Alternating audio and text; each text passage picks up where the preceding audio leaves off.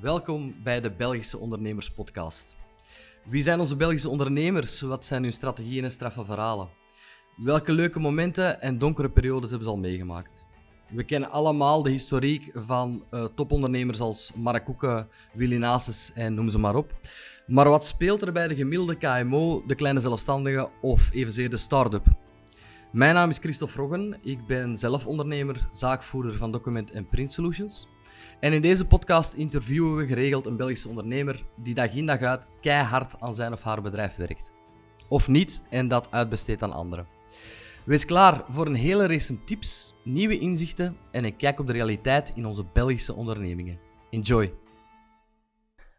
Hallo iedereen, welkom bij aflevering 37 van de Belgische Ondernemers Podcast. Vandaag een ondernemer die op zijn 18 al zelfstandig is geworden. Hij is vandaag 26 jaar. Heeft er al een heel parcours op zitten en het wordt een heel interessant gesprek. Uh, de uh, gast van vandaag, ik kwam even niet uit mijn woorden, de gast van vandaag is Michael Nikases van het bedrijf Stretch. En Michael, ik heet jou van harte welkom in onze podcast. Merci, hallo. Hey, hoe gaat het met u?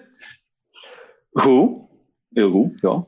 Corona-wise, goede tijden voor u? Ja, we hebben op zich wel uh, in het begin uh, wel, hebben we dat wel wat gevoeld, maar ja. nu gaat dat goed. Oké, okay, perfect. Op zich hebben wij, hebben wij ons werk, dus dat is het belangrijkste, denk ik. Ja, absoluut. Nu, uw werk, dat kan van alles zijn, dus vertel eens aan de luisteraar, wie ben jij en wat doen jullie juist? Wel, ik ben Michael uh, en we hebben uh, met mijn bedrijf noemt Stretch. En we zijn gespecialiseerd in uh, spanplafonds. wij vertelen eigenlijk een spanplafondsysteem. En dat doen we over heel Europa. We, we, zitten ook al in uh, wat verder, zoals Miami, Qatar, Canada. Oh ja. Um, en eigenlijk is, ja. Dus um, onze klanten zijn installateurs die ons product eigenlijk installeren bij hun eindklanten dan. Meestal zijn dat particulieren, maar dat, dat, kunnen, dat kunnen ook bedrijven zijn. Uh -huh. Dus bijvoorbeeld een grote klant van ons, dat zijn restaurants en hotels. Bij de restaurants gaat het wel minder, maar voor de rest, hotels en zo, dat, dat loopt wel. Ja, oh ja, die hebben wat al een tijd om hun, om hun plafond nu te veranderen, niet? Ja, maar de budget moet er ook zijn. Hè? Dus ja, gelijk in de hotels, in de hotels, dat zijn al heel wat grotere bedrijven. Die hebben meestal wel wat kapitaal, maar restaurant is toch... meestal zijn dat ja, uh, kleinere zaken. Hè. Ja, um, ja. Nu, allee, we gaan zo, zo, dadelijk terugkomen op hoe het allemaal begonnen is voor jou. Um, maar ik heb al een eerste vraagje, anders ga ik het zoiets vergeten. De klant steekt een, een spanplafond. Ja, dan is het gedaan, of niet? Is het dan klant af? Of wordt dat om de tien jaar gedaan of zo? Wel, onze klant, dat is een installateur. Yes. Die steekt er iedere dag in. Ja. Um, maar de eindklant, op zich, ja, eens dat die spanplafond zit, uh, je hebt ook 10 jaar garantie. Um, eens dat die zit, hoeft daar geen nieuwe in te komen. Natuurlijk, na 10, 15 jaar um, is die wat vuil, kunnen die kuisen, maar sommige klanten zien dan ook gewoon een nieuwe doek. Okay. Uh, omdat dat dan weer heel fris uh, eruit ziet. Hè. Ja. Dus, en op zich, de kost tegenover een plafond schilderen of vervangen, dat is een beetje on ongeveer hetzelfde. Dus, is ja. dat zo? Ja, als je de doek als uh, structuur hangt, ja. uh, kun je eigenlijk de doek vervangen en dat is soms maar twee, drie uur werk. Okay. Um, en daardoor is die prijs dan, hè, de, de, de prijs per vierkante meter voor zo'n installatie vrij laag. Uh, tegenover dat je moet schilderen. Je product is goedkoop, maar je uren zijn hoog. Ah, u, u, je hebt veel werkuren. Ja. Um, dus ja, daardoor zit je dan een hogere kost. Ja, en laat ons heel eerlijk zijn, het product verf is niet goedkoop, hè? Nee, nee, het is niet goedkoop, maar ja. als je het vergelijkt met een spanplafond de vierkante meter, ja. is het dan wel wat, wat goedkoper. Ik, ik snap het, oké. Okay. Ja, ik heb het goed begrepen nu. Je uh, verdeelt naar installateurs, niet zozeer naar de eindklant, en daarom natuurlijk heb je constante afname. Oké, okay. jij bent op je 18 jaar al zelfstandig geworden. Vertel eens, Klopt. Wat, wat heb je gestudeerd en waarom heb jij direct besloten na school, ik ga je niet voor een baas werken, ik begin op mezelf? Wel, uh, ja, ik ben eigenlijk automechaniker. Uh, ah, ja. van opleiding. okay. Dus dat is iets heel anders dan, uh, dan spanplafonds of iets in een bouw. Um, maar mijn familie is zelfstandig. Uh, dus, dus mijn grootouders hun zwembaden, mijn vader spanplafonds, die installeren dat dan. Um, ja, mijn groot, andere grootouders aan mijn moederskant, die zaten in de textiel vroeger. Mm -hmm. um, dus ja, daar zit er wel wat in. en ik had al wat stages gedaan. En ja, ik was dan degene die altijd het langste bleef of, of het meeste werkte. En voor gewoon loon wou ik, dat, wou ik dat nu niet doen. En ik dacht, ja, auto's verkopen. Heel simpel. Een auto kopen en verkopen. Uh, je verdient op één auto evenveel soms als dat je uh, per maand verdient. Okay. Uh, zo dacht ik toen. Hè. Ja. Um, dat is natuurlijk niet zo. Um, maar ja, dat lijkt mij ook veel leuker. En, en je hebt de vrijheid. Hè. Je kunt doen wat je wilt. Um, op die manier ben ik dat dan gestart. dus ja. ja. Dat, dat was tweedehandswagens dan? Ja. Dus ik ben eigenlijk gestart. Uh, ik had ook geen geld. Ik heb twee weken bij mijn vader gewerkt. en ik denk dat ik dan 1500 euro of zo had verdiend. Um, en daarmee heb ik ja, mijn eerste auto gekocht om te verkopen en, en zo opgebouwd. Hè. Ja. Uh, en op het einde denk ik, ja, ik deed eerst zo wat BMW'tjes, um, omdat ik dat altijd schoon vond natuurlijk. Maar uh, ik heb dan nooit die hagelbui gehad, veel Juist. geld verloren. En dan ben ik met goedkope auto's begonnen en dan ben ik eigenlijk uh, ja, echt beginnen verkopen. Hè. Mm -hmm. dan, dan verkocht ik een auto per dag. Um, dan stond ik soms met 20 auto's op, op de NOF. dus dat was heel leuk. Maar natuurlijk, ik was nog jong. Ja. Uh, en ik wou alles zelf doen. Hè. Ja, van begin tot eind. Ja, en, en dat, dat is eigenlijk... Dat marcheert niet. Dus als je iets wilt bereiken, dan, dan kun je niet alleen werken. Oké, okay. uh, een goede tip. Als je iets wilt bereiken, kun je niet alleen werken. Dus wat jou de das heeft omgedaan, zijn een aantal dingen. Zijn één, ja, die storm, die hagelstorm, die voor heel wat schade gezorgd heeft en geldverlies. Twee, de marges op de wagen waren niet exact wat je in gedachten had uh, toen je begon te verkopen, of wel? Het was niet slecht. Hè? Uh, okay. Je moet rekenen, de, de marge uh, op, op, op een BMW toen, in percentage was dat laag. Ja. Hè? Uh, je koopt een auto voor 10.000 euro en verkoopt die voor 12, dus dat is 20% Maar na die hagelbui, uh, ja, ik had niet zoveel geld meer, dus ik kocht die auto's niet meer. En ik kocht uh, goedkope auto's van, van, van, van ja, pakt 1500 euro, uh, 2000 euro. Op zo'n auto kun je makkelijker 50% marge nemen. Yes. Uh, dus dan, als je dan 10 auto's hebt staan van 2000 euro, uh, dan verdien je veel meer dan dat je één auto hebt staan van 20.000 euro. Oké, okay. ja, je dat, dat is gewoon zo. Dus dat ging goed. Maar omdat je, je had geen privéleven niet meer, dan neem ik aan. Als je zegt, ik wou alles alleen doen.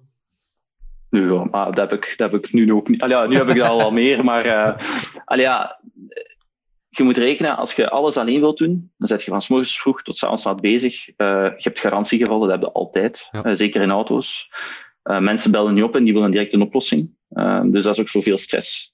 Um, en als je dan alleen bent, ja, dat is, dat is niet te doen. Dat, ja, maar dat moet, dat, die dingen leerde natuurlijk Mm. als je begint. Hè. Ik kom van beroeps. Um, ik heb wel familie die dan zelfstandig was en al, maar nooit op een, op een niveau um, van, van een, groot, een groot bedrijf.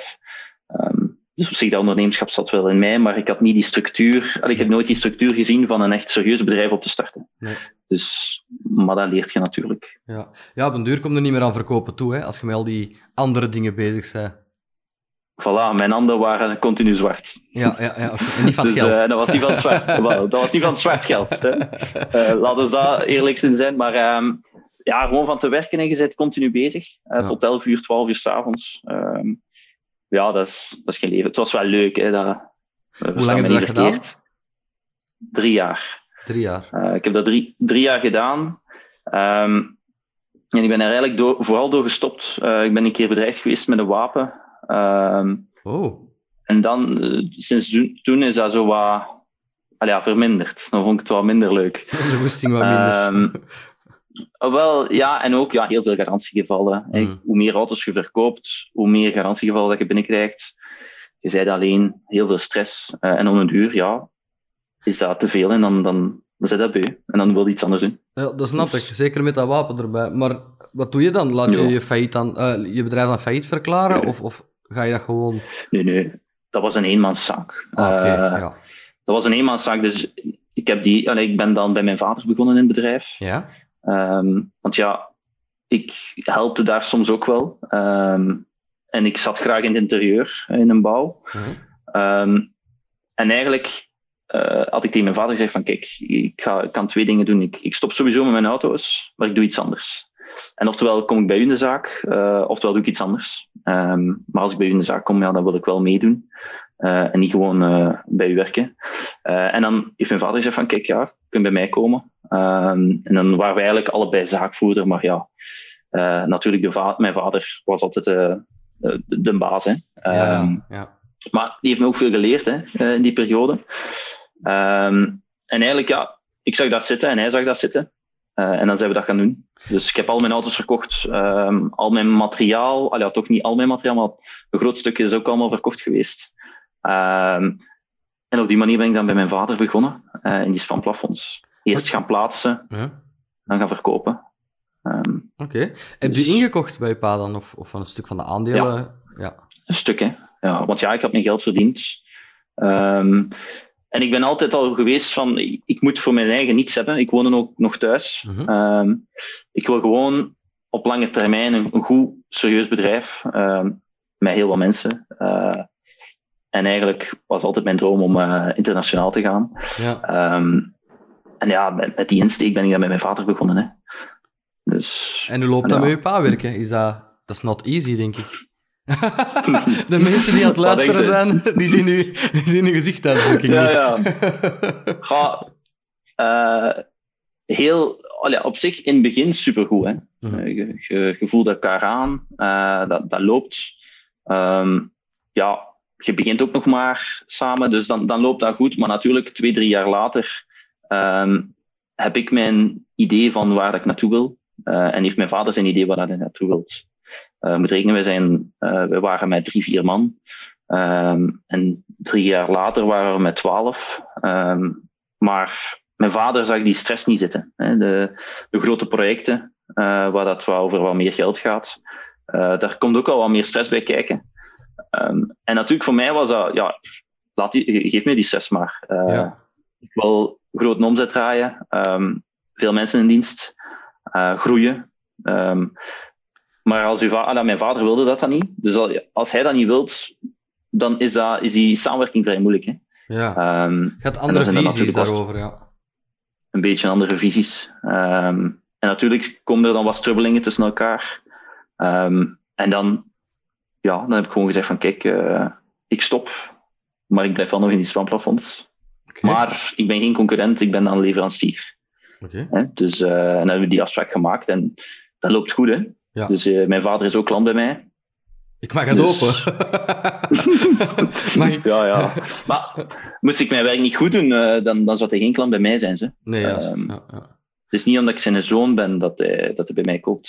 Uh, dat, dat wil ik ook eigenlijk niet. Nee, dat begrijp ik. Um, maar ja, ja, inderdaad, als je het goed doet, dan, dan mag het wel. Nu, wacht, hier komt hij al. We zijn nog maar een paar minuten in de podcast. Mag ik zeggen dat jouw vader jouw ambities heeft geplafonneerd? Sorry, je moest eraf. oh, nee, nee, nee, nee. nee. Ja, je moet... Ik, ik, ben, ik was toen, ja, wat, hoe oud was ik toen? 23, 22. Ja. Um, toen dat, dat we dan uiteengegaan zijn, hè. Um, een andere weg uitgegaan zijn. Um, ja, je begint nog maar net. Hè. dat is het begin. Dus voor mij, om dan al te zeggen van ja, 12 man is genoeg. ja, dan stopt je. Dat, dat, dan, dan groei je niet als persoon. Hè. Nee. Um, maar mijn vader is, was toen 45, denk ik. Is nu, is nu 50, dus dan was zij 47. Ja, hij zit op een punt ja. van: ik heb het goed. Moet ik nog uh, next level gaan? Of blijf ik doen wat ik doe? Uh, en verbeter ik, verbeter ik mij in wat ik doe? Ja. Um, en hij wil dat eerder. Uh, en hij is zelfs nu iets ingekrompen. Uh, omdat hij die stress gewoon niet, niet wou. En dat is, ik snap dat ook. Ze. Ja. Uh, nu snap ik hem beter dan toen natuurlijk. Uh, want ja, hij had het dan allemaal op zichzelf. Hè. Alles, alles kwam op hem. ook wel op mij, maar ik was dan vooral verantwoordelijk voor de verkoop. -huh. um, waardoor ja, niet, niet het financiële kwam niet op mij. Hè. Nee. Um, dus daar had ik het op zich gemakkelijk. Hè. Ik moest me daar niet van aantrekken, ik moest gewoon verkopen ja, ja. Uh, omzet draaien. Ja, ja, en hoe meer jij um, verkocht, hoe meer werk dat hij kreeg, hoe meer volk het raak moest bijkomen.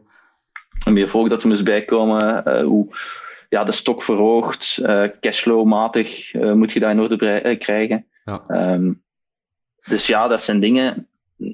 Ik was daar toen niet mee bezig. Ik was gewoon aan het verkopen, ik wou groeien. Um, natuurlijk, nu doe ik het allemaal alleen. En nu, nu zie ik wel die dingen in van ja, ik snap wel dat hij dat niet meer wou. Wel, dat ik juist zeggen. Ergens is het wel te begrijpen. Hè? Dat die ambities of die visies zo ver uiteen liggen, omdat hij is er al zoveel jaren mee bezig. Moet dan nog dat groeien? Nee, want wij hebben het goed. Hè? als we het zo verder doen... Voilà. eh, voilà. Nu, uw ambitie was torenhoog, was veel te groot. Dus jij hebt gezegd, pa, ik ga dan op mezelf beginnen, hè, ik ga uw leverancier worden. Maar hoe ben jij opgestart? Helemaal alleen? Een BVB opgestart? eh, of ook een eenmanszaak eerst? Hoe, hoe is dat gelopen? Nee, ik heb direct een BVBA begonnen. Ehm, en eigenlijk, ik was nog een half jaar bij hem aan het werken. Dus ik ben in 2017 heb ik met een BVBA gestart. En dat was eigenlijk gewoon ehm, om ja, al de investeringen al te kunnen doen. Zoals een website, marketing. Ehm, en dan op zoek gaan naar leveranciers. met wie wil ik samenwerken. Eh, alles voorbereiden. Hè. Omdat ik dan op 1 januari 2018 eh, stopte ik bij mijn vader. Ja. En dan ben ik eigenlijk volledig eh, fulltime eh, stretch eh, gaan, gaan, gaan doen. Hè. Ehm, maar daarvoor, eigenlijk in 2017, heb ik niets verkocht. Ja. Ehm, dat was eigenlijk gewoon voorbereiding. En in 2018 ben ik dan echt begonnen. Alleen?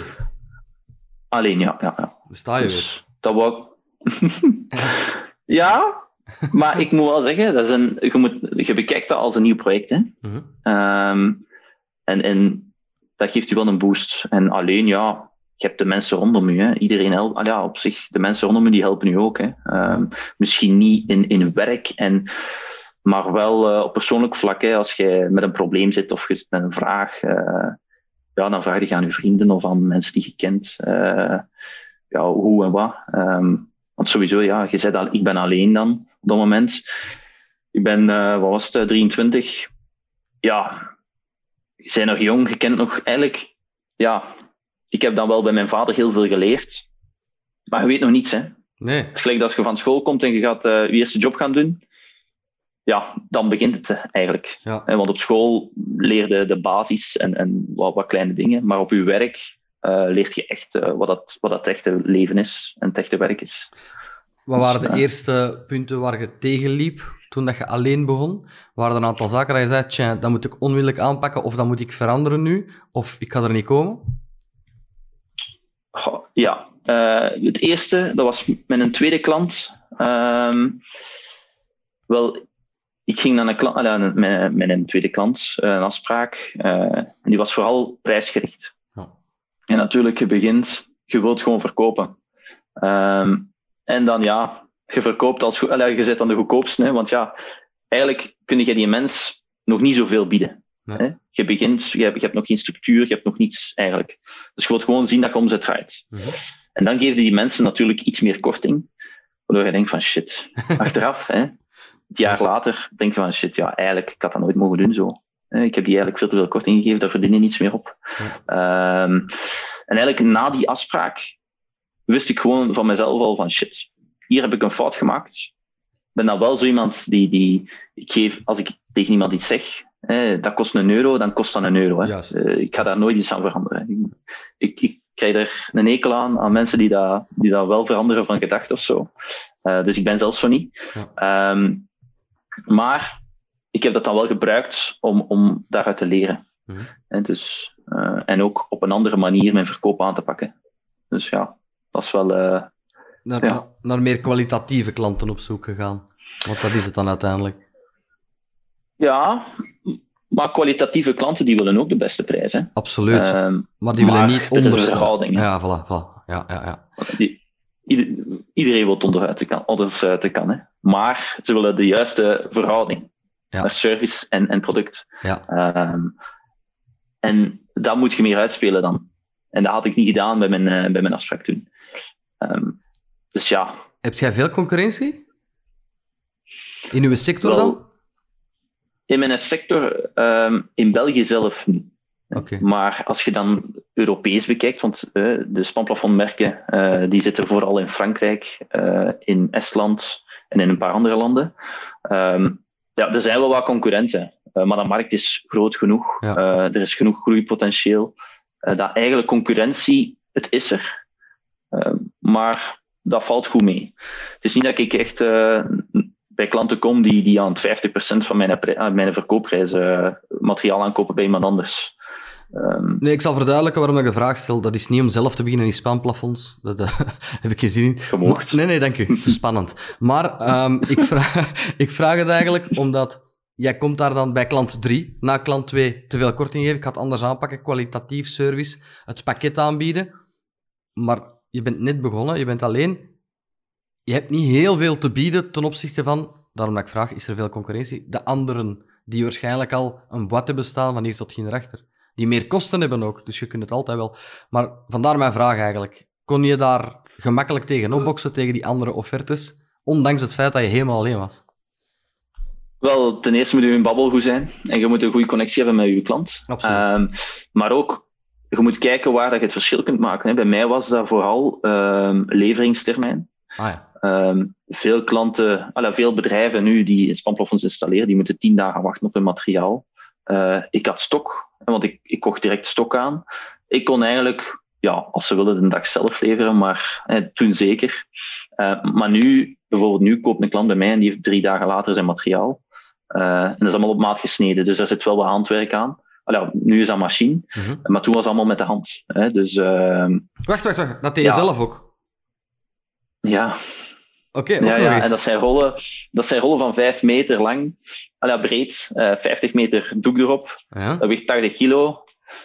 Ik kan u zeggen, bij ik denk Ja. als ik het 50 ben. nee, maar je moet er iets voor over hebben.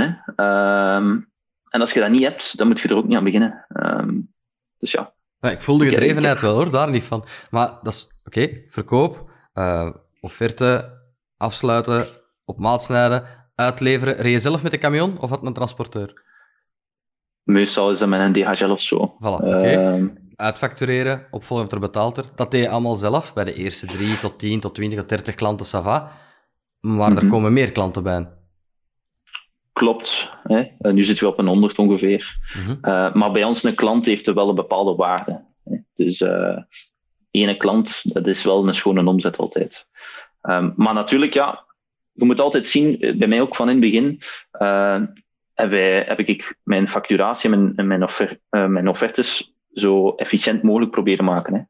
Dus een offerte was heel simpel, uh, factureren ook. Uh, en opvolging, bijvoorbeeld uh, als je factuur stuurt en ze betalen niet direct, heb je mij gelijk met teamleader. Ja. Dat kennen de meesten wel. We werken daar ook mee, ja. ja. Die, die stuurt automatisch herinneringen en zo. Ja. Dus ik heb dergelijke dingen heb ik van in het begin proberen implementeren dat dat zo efficiënt mogelijk kon gebeuren. Ja. Waardoor dat ik daar eigenlijk weinig werk aan had. Dus, Enkel focussen op die verkoop. Um, ja. Had je een, een, een kantoor, een pand, waar je onmiddellijk introk? Of ben je van thuis beginnen werken? Op welke manier is dat verlopen? wel, wel, mijn vader had nog een hoekje vrij in zijn magazijn. Dus ik heb dat stukje gehuurd. Ja. Ehm, maar eigenlijk, ik ben in januari gestart. En ik denk dat ik al in april eh, een, een ander magazijn had. Eh, dat was dan in Beveren, waar dat we nu zitten. Eh, maar dan, we zitten nu in die KMO-zone, maar ik ben al verhuisd naar een ander pand. Oké. Ehm, en ja, eigenlijk, eigenlijk het ook heel vreed daar, want je huurt een pand en je komt daar binnen en je denkt van, oh, heel groot. Eer dat ik dat ga volkrijgen, dat gaat, dat gaat nog lang duren. Ja. Twee maanden later bel ik met een huisbaas. Zeg, uh, heb jij toevallig nog uh, een paar 500 vierkante meter of zo vrij? Want uh, dat staat hier vol. Wauw. dus uh, ja, dat was wel... Ja. En ik heb daar dan bijna drie jaar gezeten, ah, nou, twee jaar gezeten ongeveer. Huh? Uh, maar ik had, uiteindelijk had ik om de duur drie magazijnen. Uh, twee, twee magazijnen. Dus, uh, en dan even drie. Maar dat was maar verkocht. En nog dus, altijd alles alleen aan het doen ondertussen? Toen? Wel, in 2019 um, heb ik mijn eerste aangenomen. Dat is de Pieter. Uh, dat is een verkoper. Ja. dus die doet nu de verkoop voor België. Um, en dan in 2020, dus vorig jaar, sinds die corona, um, ben ik dan echt beginnen aannemen. En we zijn nu op uh, acht in totaal. Dat is heel snel gegaan, ja. Ja, en maar dat... dat komt eigenlijk een beetje door die corona. Ah, wel, vertel, wat heeft corona voor jullie iets goed teweeggebracht, wel, blijkbaar? Ja, uh, wel. Ten eerste heeft mij dat doen inzien dat ik uh, te veel zelf deed. Uh, dus ik ben eigenlijk um, op een bepaald moment dacht van ja, deze kan niet meer. Hè. Ik ben hier 18, 20 uur op een dag aan het werken, soms nachtje door. Ah, ja. zo, zo kan ik niet verder leven. Um, dat was allemaal leuk. Maar uh, mijn vrienden en mijn familie weten ook wel, ik, ik was moe. uh, En ik heb dan eigenlijk ja, uh, Elena aangenomen, die, die doet de administratie bij ons, en dan nog een aantal anderen. Uh, waardoor nu eigenlijk het, het magazijn en de productie op zichzelf draait. Um, en wij ons nu vooral focussen op verkopen. dus ja, je zegt dat nu zo gemakkelijk. Ik heb er dan acht aangenomen. Dat is een heel proces dat er vooraf gaat. Je kunt ook niet direct de acht, de acht juiste mensen hebben. Of wel? Ik heb één missing gehad uh, met een verkoopster. Dat is mooi. Uh, ja, ja, dat komt altijd tegen. Hè. Maar op zich, ja, dat, dat ligt zowel aan mij als... als ja, ik denk vooral aan mij. Uh, ik, bij een verkoper moet je vooral in het begin goed ondersteunen. Mm Bij iedereen eigenlijk. Maar ik denk dat ik dat toen uh, te licht had opgepakt. Uh, en dacht van, ja, aannemen, een maand later zal dat allemaal wel lukken. Ja. Uh, dat was niet zo. Uh, dus je moet, allee, ik heb wel ingezien dat, dat ik daar veel meer tijd in moet steken. Um, en nu ook bijvoorbeeld voor de administratie. Um, al iedere stap leren, leert je eraan. Maar nu zitten we op een punt bijvoorbeeld dat zij eigenlijk dingen bepaalt. Dus ik bepaal ja, bijvoorbeeld een structuur van, van een verkoop, van, een, van een order dat bepaalt Elena, de, degene die bij mij de administratie doet. Okay. Uh, dat ga ik niet meer bepalen. Um, dus je moet sowieso, zowel je, je personeel uh, iets aanleren als hun vrijlaten in, in hoe dat zij denken dat het beter gaat. Hè. Want ja. ja, persoonlijk, ik ben, ben ook maar 26. Uh, eh, ik ken niet alles. Hè. Ik, ik, ik, weet niet alles. Hè. Dus, ja, je leert bij. Ja. Voilà. En ja, en zo gaat dat stap per stap. Hè. Dus ik heb dan iemand uh, voor de verkoop aangenomen, iemand in de administratie, uh, dan iemand voor uh, de, de productie, hè, dus in het magazijn, um, omdat ik dat altijd zelf deed. Um, want ik durfde eigenlijk niemand aannemen daarvoor, omdat ik dat nogal gevaarlijk vond. Zo'n rol van 5 meter breed, 80 kilogram. Ik was altijd bang als dat valt op iemand, dat is verzekering, ja. jongen.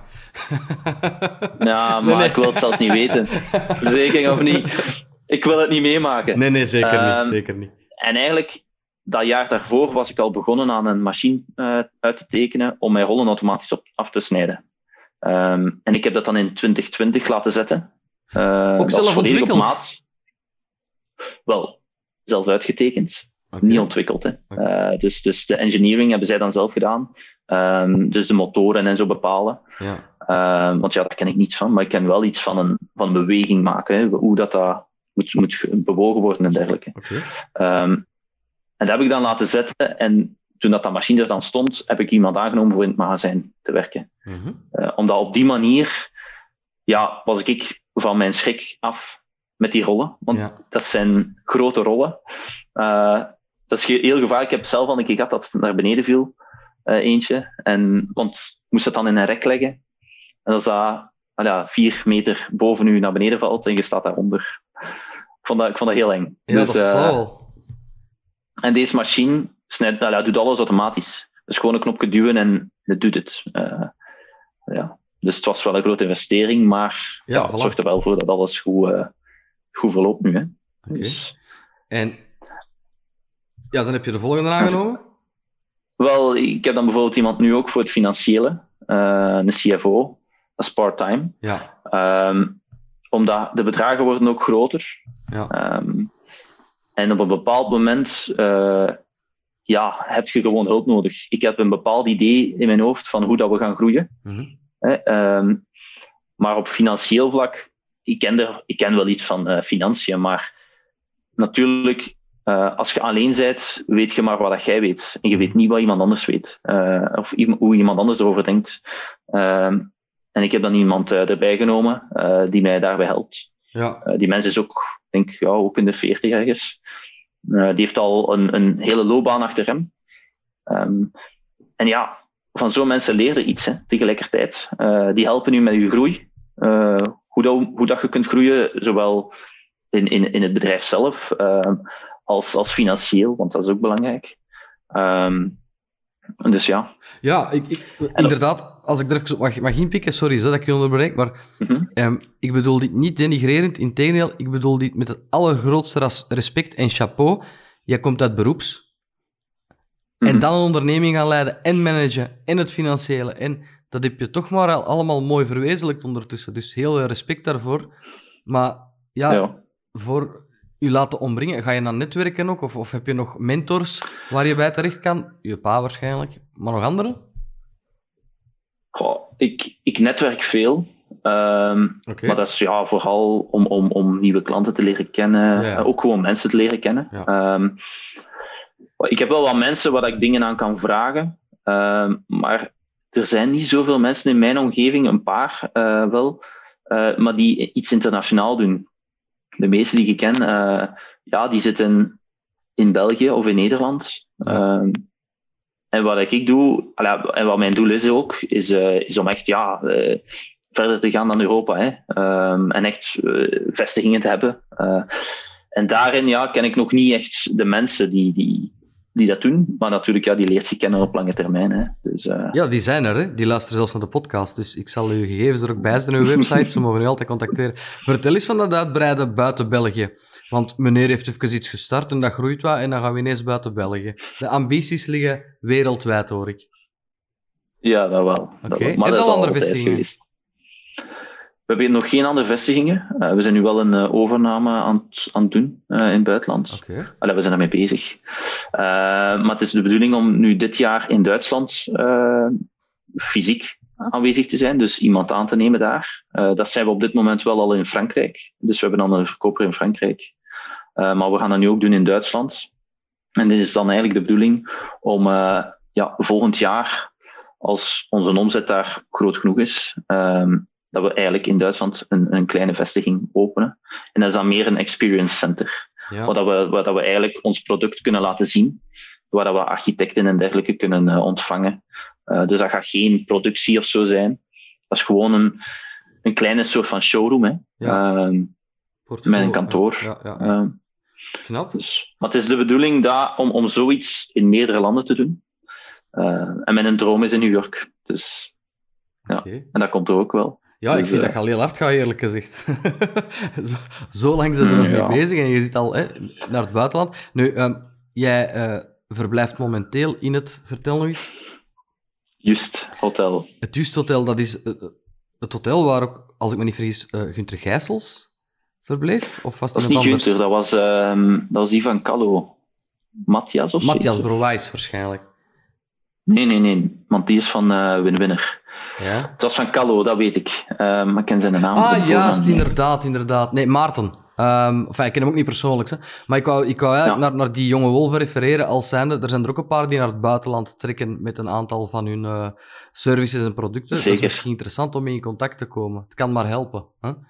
Zeker, zeker weten. Ja, oké. En, en Dus, eh, wacht, hè, want we moeten het hier even kaderen. Wat doe jij zelf vandaag nog? Zelf? Wel, denken aan onze groei. Dus wij, allee, gelijk, we zijn nu met een overname bezig. Dus ik ben vooral daarmee bezig.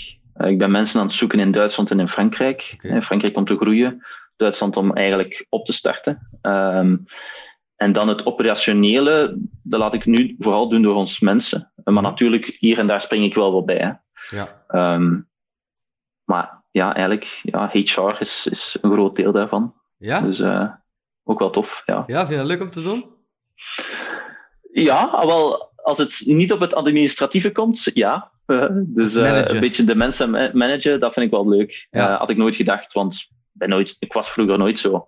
Ehm, maar alles wat niet met, met administratie te maken heeft, dat, dat doe ik wel graag meestal. dat begrijp ik. Dat is ook het saaiste natuurlijk. Hoe ziet, Ja. hoe ziet uw gemiddelde dag eruit? Als, om laat sta jij op en wat, wat gebeurt er allemaal? Om laat gaat je slapen? Of niet?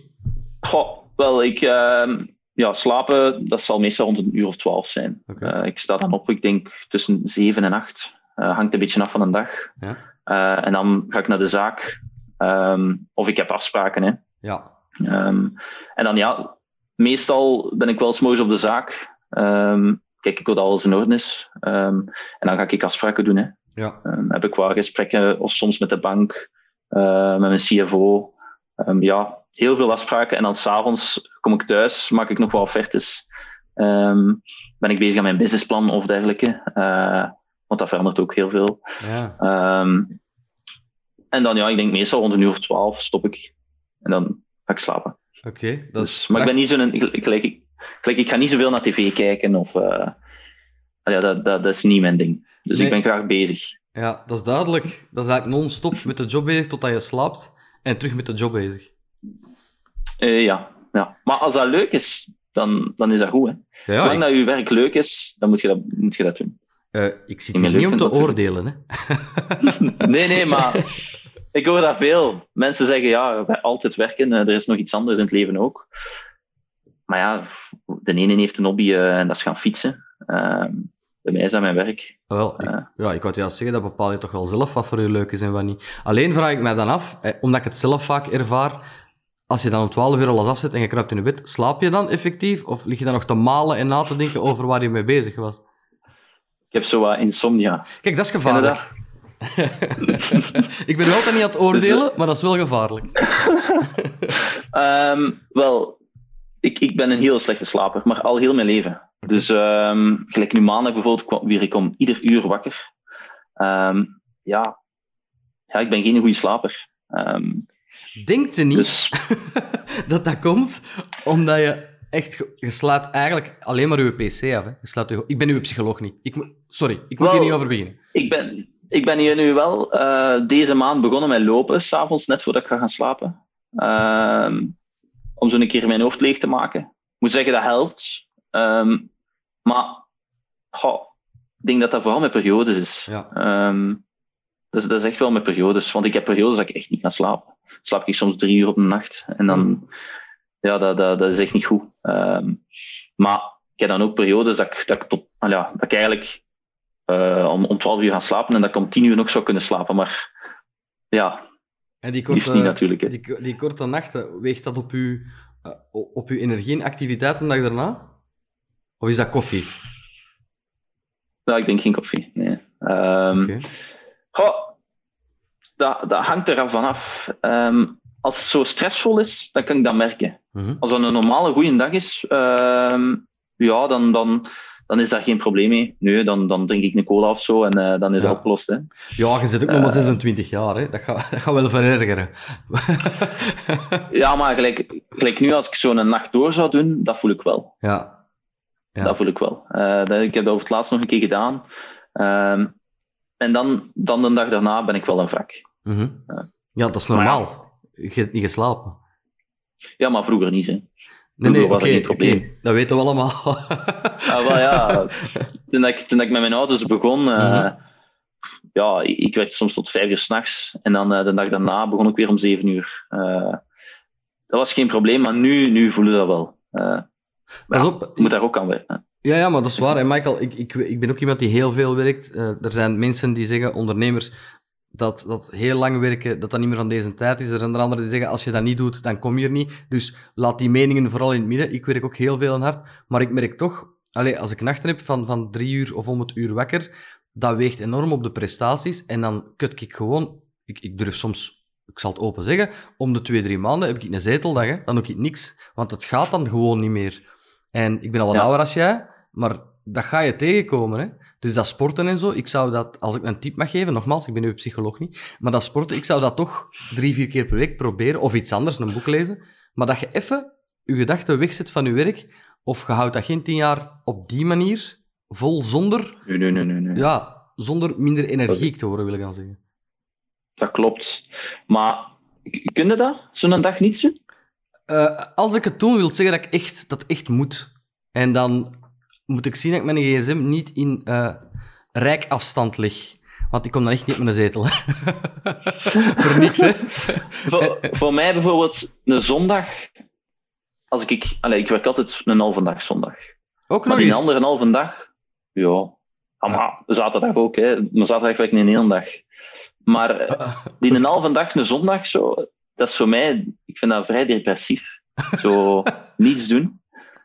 Ik probeer dan altijd een keer naar, naar familie of zo te gaan, dat ik iets te doen heb. En- Want zo thuis zitten, pff, ja nee, kan dat, is niets voor mij. Nee, nee, dat snap ik. Maar ja, iets naar familie gaan is ook... Er moeten gewoon eens andere gedachten, iets anders aan het werk in je hoofd sluipen. Om... Anders zet je dat niet af. Maar ga jij soms op vakantie nee, of nee. zo? Ja, ik zit veel in het buitenland voor mijn werk. Dus dat is wel Ah, je combineert dat, maar ja, natuurlijk. Ja. Ja, ja. Ja, ja, ja, Dus, oké. eh, en soms ga ik iets op verlof, eh, als dat bijvoorbeeld met bouwverlof of zo. Dan zijn de meeste klanten ook op verlof. ja. Eh, maar nu met corona ging dat niet. Maar het jaar daarvoor was ik naar New York gegaan. Ja. Ehm, dus ja, doe dat wel een keer. Ja, maar dat is niet dat je lichaam dan een patat krijgt. Van niet met werk bezig te zijn op dat moment. Nee, want dan, dan heb je iets te doen. Hè. Dan wil je dingen gaan zien. Juist. maar leg mij niet op het strand een week. Nee? Want dan... Nee, nee, nee, nee, nee. nee. Dat mij gewoon... ja, als dan strandverlof zou zijn, dan is het beter om wat te gaan sporten en, en iedere dag en die dingen te doen. Ja. Dan mij gewoon op een matje in het zand te leggen uh, aan het water. zou niet voor mij zijn. Okay. Toch niet iedere dag. Nee. in een dag zal dat misschien lukken, maar... Ja, dan, Tegen, tegen dat je van het strand gaat, ik er zo'n plafonnetje boven nu in handdoek. toch, toch nog iets gedaan. Ja. En, en jij bent constant met de zaak bezig, maar dat is niet constant met verkoop als jij dingen aan het uitdenken en tekenen bent, uh, gaat dat over een ambitie binnen de drie jaar, binnen de vijf of tien jaar? Of met, met wat ben jij nu bezig in uw gedachten als jij werkt aan de toekomst van uw bedrijf? Dat hangt ook af van periodes. Maar nu bijvoorbeeld is dat op korte termijn. En korte termijn, dat is een, uh, een half jaar, een jaar. Okay. Hè, wat we nu op korte termijn willen doen. Ja. Dus we, we, hebben al een plan en dergelijke. Um, maar als ik een vrij moment heb, uh, dan zit ik veel op mijn computer uh, te, te, denken en te schrijven over uh, waar dat ik naartoe wil. Okay. Um, en dan kan dat vijf jaar zijn, of nou, tien jaar is al vrij ver. Maar vijf jaar is lange termijn, denk ik dan. Ja, zeker. Um, dus dan, dan ga ik eigenlijk gewoon ja, denken van naar waar wil ik en hoe ga ik daar geraken. Dus je hebt je punt waar je naartoe wilt en dan, dan ga ik eigenlijk bekijken van hoe kan ik daar geraken. Um, Wat zijn de dus stappen ja. die je al hebt genomen om te, te geraken waar je vandaag bent? En dan bedoel ik concreet, je, je zat een jaar geleden op uw stoel voor uw pc niet te sporten en jij... Nee, nee, maakt echt niet uit. Klopt en, wel. En, ja, ja ik, en, en respect daarvoor, dat, moet, dat, dat is goed zo. Um, maar jij dacht toen, ik wil... Of twee jaar geleden, ik wil acht mensen in dienst, ik wil uh, daar in Beveren dat lokaal of, of die ruimte hebben. Welke concrete stappen heb jij toen vooropgesteld en ondernomen om daar te geraken? Zijn er dingen dat je kunt zeggen? Wel, in het begin, wel, in het begin was dat vooral een omzet halen. Hè? Dus bijvoorbeeld een miljoen. Uh, ja, wacht, ik ga je onderbreken. Is... Ik ga onderbreken. Inderdaad, en dat zal allemaal wel, en dat staat heel mooi op papier. Maar de vraag is, hoe heb je die omzet gehaald? Door wat? Extra of anders te doen? Uh, wel, ja, bijvoorbeeld een, die, in, in het begin, mijn, mijn eerste doel was bijvoorbeeld een bepaalde omzet. En dat heb ik dan behaald door klanten te bezoeken. En dan had ik, dan had ik bijvoorbeeld de klanten die ik al had ja? en die dat ik bezocht had. Dan kun je kijken van, je hebt zo'n ratio van 3 op 10, of 2 op 10 of 5 op 10, en die dan klant worden. En dus dan gaat je dat in, in doelen opschrijven. Okay. En dan probeert je iedere week of iedere dag zoveel klanten te bezoeken. Uh, bijvoorbeeld nu, um, tijdens corona, was mijn doel om in 2021 zelf de baan terug op te kunnen en niet meer op, op uh, de productie te moeten zijn. Uh -huh. Dus ik ben mensen gaan aannemen. Uh, heel makkelijk gezegd, ja. maar het is wel zo. Ja, um, ja dus, dus mijn doel was gewoon om, om ervoor te zorgen dat ik niet, zelf niet meer een doekje moest afsnijden, een profielje moest klaarleggen, uh, iets moest inpakken, niet, een transport moest regelen. Mhm. Um, dus ja. En, en, een volgend doel bijvoorbeeld was dat ik zelf geen verkoop meer moest doen in België. Uh, dat ik mij kan richten nu op uh, Duitsland, op uh, Frankrijk, op, op, op andere landen. Um, en ik heb nu mijn verkoper in België, die is, heeft zelf eerste jaar zijn eigen klanten gezocht. Ja. en die heeft nu eigenlijk heel mijn klantenbestand gekregen. Oké. Okay. Um, zodat ik ervoor kan zorgen dat, ik, dat we kunnen verder groeien hè, uh, naar Duitsland, Zwitserland, uh, andere landen. Niet makkelijk hè, om dat los te laten, uw eigen klantenbestand? Nee, ik merk, nee, nee. Allee, het, is, het is ook... Ik, ik kan, het is herkenbaar. Hè? Dus onze verkopers ja. moeten ook zelf hun klanten zoeken. Maar dan klanten lossen, man. Dat is uh, het moeilijkste van allemaal. Ja? Want voor mijn klant, oké, okay, je kunt zeggen dat is een klant en dit en dat.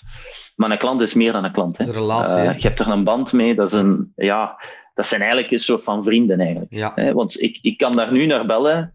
Ik, je kunt daar gewoon een privégesprek mee hebben. Ja. Um, om dat dan zomaar door te geven uh, naar, naar uw, uw, collega, ja, dat is, dat is niet makkelijk. Helemaal niet. Ehm, en ik heb daar dan ook mee gebabbeld over, mijn, ehm, ja, over die stap hè, dat ik die wou zetten met mijn klanten zelf. Hè, van kijk, ja, die gaan waarschijnlijk eh, binnenkort eh, met Pieter werken. Ehm, ja, vinden dat niet erg? Of, en eigenlijk bijna iedereen zegt van ah, nee, dat is normaal. Hè, we, kunnen nog altijd, eh, we werken nog altijd samen. Hè. Ja. Ehm, dus dat heeft mij wel wat, wat geholpen, want anders is dat, en Piet, nou, Pieter, mijn verkoper, weet dat zelf ook, eh, ja, hij heeft niet direct al mijn klanten gehad. Dus een stapjes gegaan. Ja, ja, en terecht. Je moet dat eerst Dus, proberen natuurlijk. Voordat... En, en ja, jouw verkoop wordt ook een stuk minder. Het komt wel allemaal in het bedrijf binnen. Mhm. Maar ja, ik, volg dat helemaal. En dat was mijn vraag eigenlijk. Ben jij eigenlijk bijna meegegaan naar de klant om te zeggen, voilà, dat is Pieter, vanaf nu draag ik het dossier over. Als er iets is, bel maar. Ehm, dat heb je goed aangepakt. Wel, dat is over het, ja, dat is over het hele jaar eigenlijk, heeft hij zo ongeveer iedere klant wel gezien. Hè. ja, Dus ja. ehm, ja, dat is, dat is wel een, een stap. Maar daar leert uit. Hè. Hè, Dat, zijn, dat zijn trajecten waar dat je heel veel uit leert. Hè. Dingen loslaten. Eh, dat lijkt makkelijk eh, om, om gewoon te zeggen, maar dat is het helemaal niet. dat is het moeilijkste. Eh, dat was zo in mijn administratie. ehm, gelijk betalingen doen. Ja. Mijn vader zegt van ja, waarom, waarom laat je uw, uw collega de, de betalingen doen? Maar dat zijn dingen. Als ik daar allemaal mee moet bezig zijn, ja, dat, dat gaat gewoon niet. Dus dat moet uit mijn handen en ik moet bezig zijn met iets dat opbrengt. En, en, en ja, betalingen doen brengt ook op, maar ja, het heeft een bepaalde ja, dingen er. ja, dat is een administratieve handeling. Hè. Dat kan iemand anders uitvoeren als je daar genoeg vertrouwen in hebt natuurlijk. En dat blijkt dan. ja, als je iemand bij u hebt werken die je niet vertrouwt, ehm, dan, dan, is dat geen, dan, dan klopt dat niet, denk nee, ik. klopt. Ja, Bij mij-. Bij mij start iedereen, en dat is misschien niet altijd goed, maar ik vertrouw vrij snel, ik heb snel een gevoel van u kan ik vertrouwen en u niet. Ja. Eh, dus bij mij, als iemand heel veel job krijgt, dan weet hij ja, hij vertrouwt mij. Ja. Ehm, en ik denk Helena bij, mij, bij ons eh, op de zaak, ehm, ja, die, die mag van mij ja, alles doen. Dat is, en ik, vertrouw, ik vertrouw die, dus ehm, ja. daar heb ik helemaal geen probleem mee. Nee, nee, maar En ik ben er ook blij mee. Ik ben er ook blij mee dat die jobs, dat, je die zelf, dat ik die zelf niet meer moet doen. ja. Dus ja, zo hoort het ook. Ehm, je hebt nu meer tijd. Ben jij nu ook op zoek zelf naar nieuwe klanten? Prospecteren jullie of komen de klanten vanzelf naar jullie? En hoe prospecteren jullie als jullie dat doen? wel, wij prospecteren heel veel zelf. Toch? Ehm, ja. Ik, ik bijvoorbeeld, ik prospecteer nu binnenkort, eh, binnen drie weken ga ik naar Londen. Ehm, en ik heb dan wat afspraken nu gemaakt eh, met wat klanten, en bestaande klanten. En dan, ik heb er nu vandaag een paar gemaakt met, met wat nieuwere, eh, die, die klant zouden kunnen worden. ja. Ehm, maar er zijn ook heel veel bedrijven die naar ons komen. Hè. Eh, we hebben nu ook iemand extra aangenomen voor eh, de marketing, om ervoor te zorgen dat we wat meer in beeld komen. Eh, om op die manier eh, sneller bedrijven te hebben die naar ons komen, in plaats van dat we zelf eh, naar de bedrijven moeten stappen. Ja. Ehm, Hoe doe je maar dat nu? ja. Op dit moment, Ja, hoe prospecteer je? Is dat gewoon telefoon pakken, mag eens langskomen? well, LinkedIn, dat helpt heel goed. Echt? Eh, LinkedIn, ja, eigenlijk mijn eigen prospectie, oh, 80% is LinkedIn. Een berichtje Ehm, sturen dan? Of? een berichtje sturen, ja. Of, of eh, wij, wij zetten wat foto's op LinkedIn, eh, mensen reageren. en dan, ja, dan probeer je gesprek aan te gaan. En als dat bedrijf, ehm, ja, ik ga niet zeggen nood, maar als, als dat bedrijf ehm, meerwaarde zou kunnen, hebben, zou kunnen hebben met ons product, Ja. ehm, ja, dan, dan gaan- staan die meestal wel open voor een afspraak. Oké. Je moet natuurlijk niet je sales pitch eh, Nee. schrijven. Hè. Je moet dat op een, op een, een rustige manier aanbieden. Eh, en uiteindelijk maken we een afspraak. Kijk, vandaag heb ik drie afspraken gemaakt in, eh, in Londen. Ehm, en dat was heel simpel, allemaal via LinkedIn. Dus eh, ik heb zoiets Phantom Buster. Dat ken ik niet. Ehm, en ja, en dat, dat stuurt eigenlijk een soort van automatisch berichtjes naar bepaalde ah ja, contacten. Of je kunt eh, automatisch eh, een lijst van mensen connecteren. Wacht, wacht, wacht. ehm, Wat u nu hoort is de klik van mijn stilo. Die dat dan even gaan noteren. Phantom Buster, hè? Ja, Phantom Buster. Oké. Dat kan ook heel irritant zijn, dat weet dat toch? Ja, maar je moet dat op een, op een, een zachte manier aanpakken. Hè. Ja, je moet tuurlijk. niet... Ja, je krijgt daar veel van die berichten van, van marketingbedrijven en dergelijke. Um, waar dat je direct gewoon een sales uh, Ja. ja, ervan afkomt. Maar eh, zo moet je niet beginnen, want, want dat werkt niet. Oké. Ehm, dus ja, Geef tips. en dan. voilà. Nee, maar eigenlijk moet je altijd denken: als ik zo'n bericht binnenkrijg, wat zou ik doen? Trek ik weg of niet? Ja. Ehm, als iemand mij contacteert op die manier, ja, zou ik, zou ik luisteren of niet?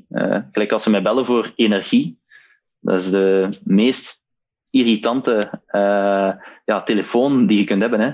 Ja, wij, wij kunnen nu een goedkopere aanbod doen voor elektriek.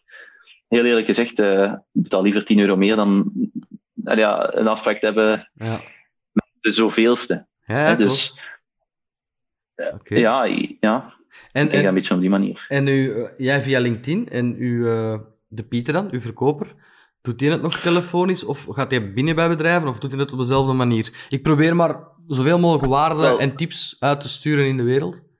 Je moet je geheimen niet Waar Pieter prijsgeven. vooral... Oh, dat zijn geen geheimen, hè. Nee. iedereen kent dat wel. Maar Pieter, eh, die startte eigenlijk bij mij en die, die is dan eigenlijk op de, eigenlijk een beetje de ouderwetse manier begonnen. Die ging gewoon binnen bij bedrijven. Oké. Bij, bij, bij de eerste de beste interieurbouwer. Gewoon om ons product te laten zien.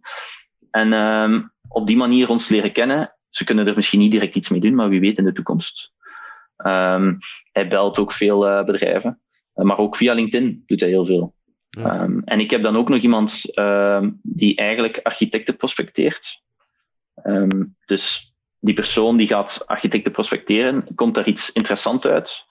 Eh, dan wordt dat doorgestuurd naar Pieter. En Pieter prospecteert die architect dan nog een keer. Samen met een, een van onze dealers. ehm, om te kijken hoe we kunnen samenwerken. Fantastisch. Dus, Dat klinkt zelfs maar leuk. ja, dat is wel.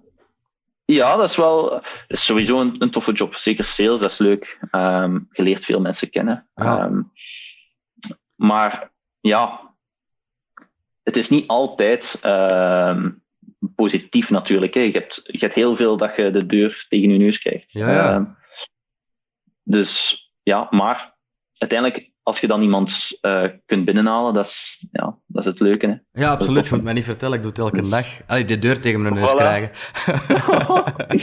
Michael, Nee, maar- ik- en op- ja, een klein Ja, secondje. zeg maar. Het is al eens gebeurd in deze podcast. En het gaat nu weer gebeuren. Ik ben het licht vergeten aan te doen. Het is donker aan het worden. Klein secondje. Nou ja, oké.